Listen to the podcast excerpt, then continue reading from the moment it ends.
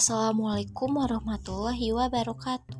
Balik lagi bersama saya Sel Virgiana Sendian Di program studi Pendidikan Kewarganegaraan Universitas Pendidikan Indonesia. Nah kali ini saya akan membahas mengenai sumber hukum Islam dan juga tujuannya. Hukum Islam bukan hanya sebuah teori saja, namun adalah sebuah aturan-aturan untuk diterapkan di dalam sendi kehidupan manusia. Karena banyak ditemui permasalahan-permasalahan yang pada umumnya dalam bidang agama yang sering kali membuat pemikiran umat muslim yang cenderung kepada perbedaan. Untuk itulah diperlukan adanya sumber hukum Islam terdapat sumber hukum Islam yang telah disepakati, di antaranya yaitu Al-Quran, Al-Hadis, ijma, dan juga kias. Selain sumber hukum Islam yang telah disepakati, terdapat pula tujuan sistem hukum Islam. Sumber hukum syariat Islam adalah Al-Quran dan Al-Hadis. Sebagai hukum dan ketentuan yang diturunkan Allah Subhanahu wa Ta'ala, syariat Islam telah dimentapkan tujuan-tujuan luhur yang akan menjaga kehormatan manusia, yaitu sebagai berikut. Yang pertama, memelihara atas keturunan.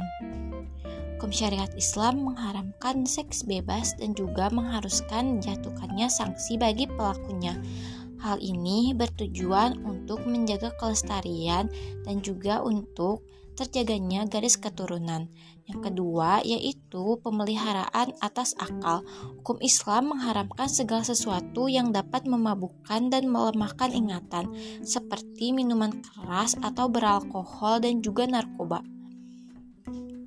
Islam menganjurkan setiap muslim untuk menuntut ilmu dan mengembangkan kemampuan berpikirnya. Yang ketiga yaitu pemeliharaan atas kemuliaan. Syariat Islam mengatur masalah tentang fitnah atau tuduhan dan melarang untuk membicarakan orang lain. Hal ini untuk menjaga kemuliaan setiap manusia agar ia terhindar dari hal-hal yang dapat mencemari nama baiknya dan kehormatannya. Yang keempat yaitu pemeliharaan atas jiwa. Hukum Islam telah menetapkan sanksi atas pembunuhan terhadap siapa saja yang membunuh seseorang tanpa alasan yang benar.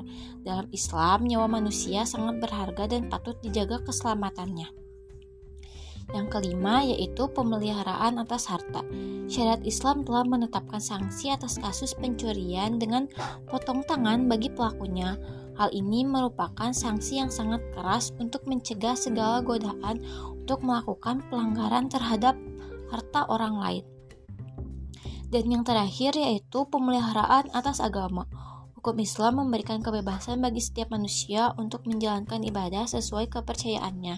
Islam tidak pernah memaksakan seseorang untuk memeluk Islam, akan tetapi Islam mempunyai sanksi bagi setiap muslim yang murtad agar manusia lain tidak mempermainkan mempermainkan agamanya. Mungkin cukup sekian materi yang bisa saya sampaikan. Mohon maaf bila ada kesalahan. Assalamualaikum warahmatullahi wabarakatuh.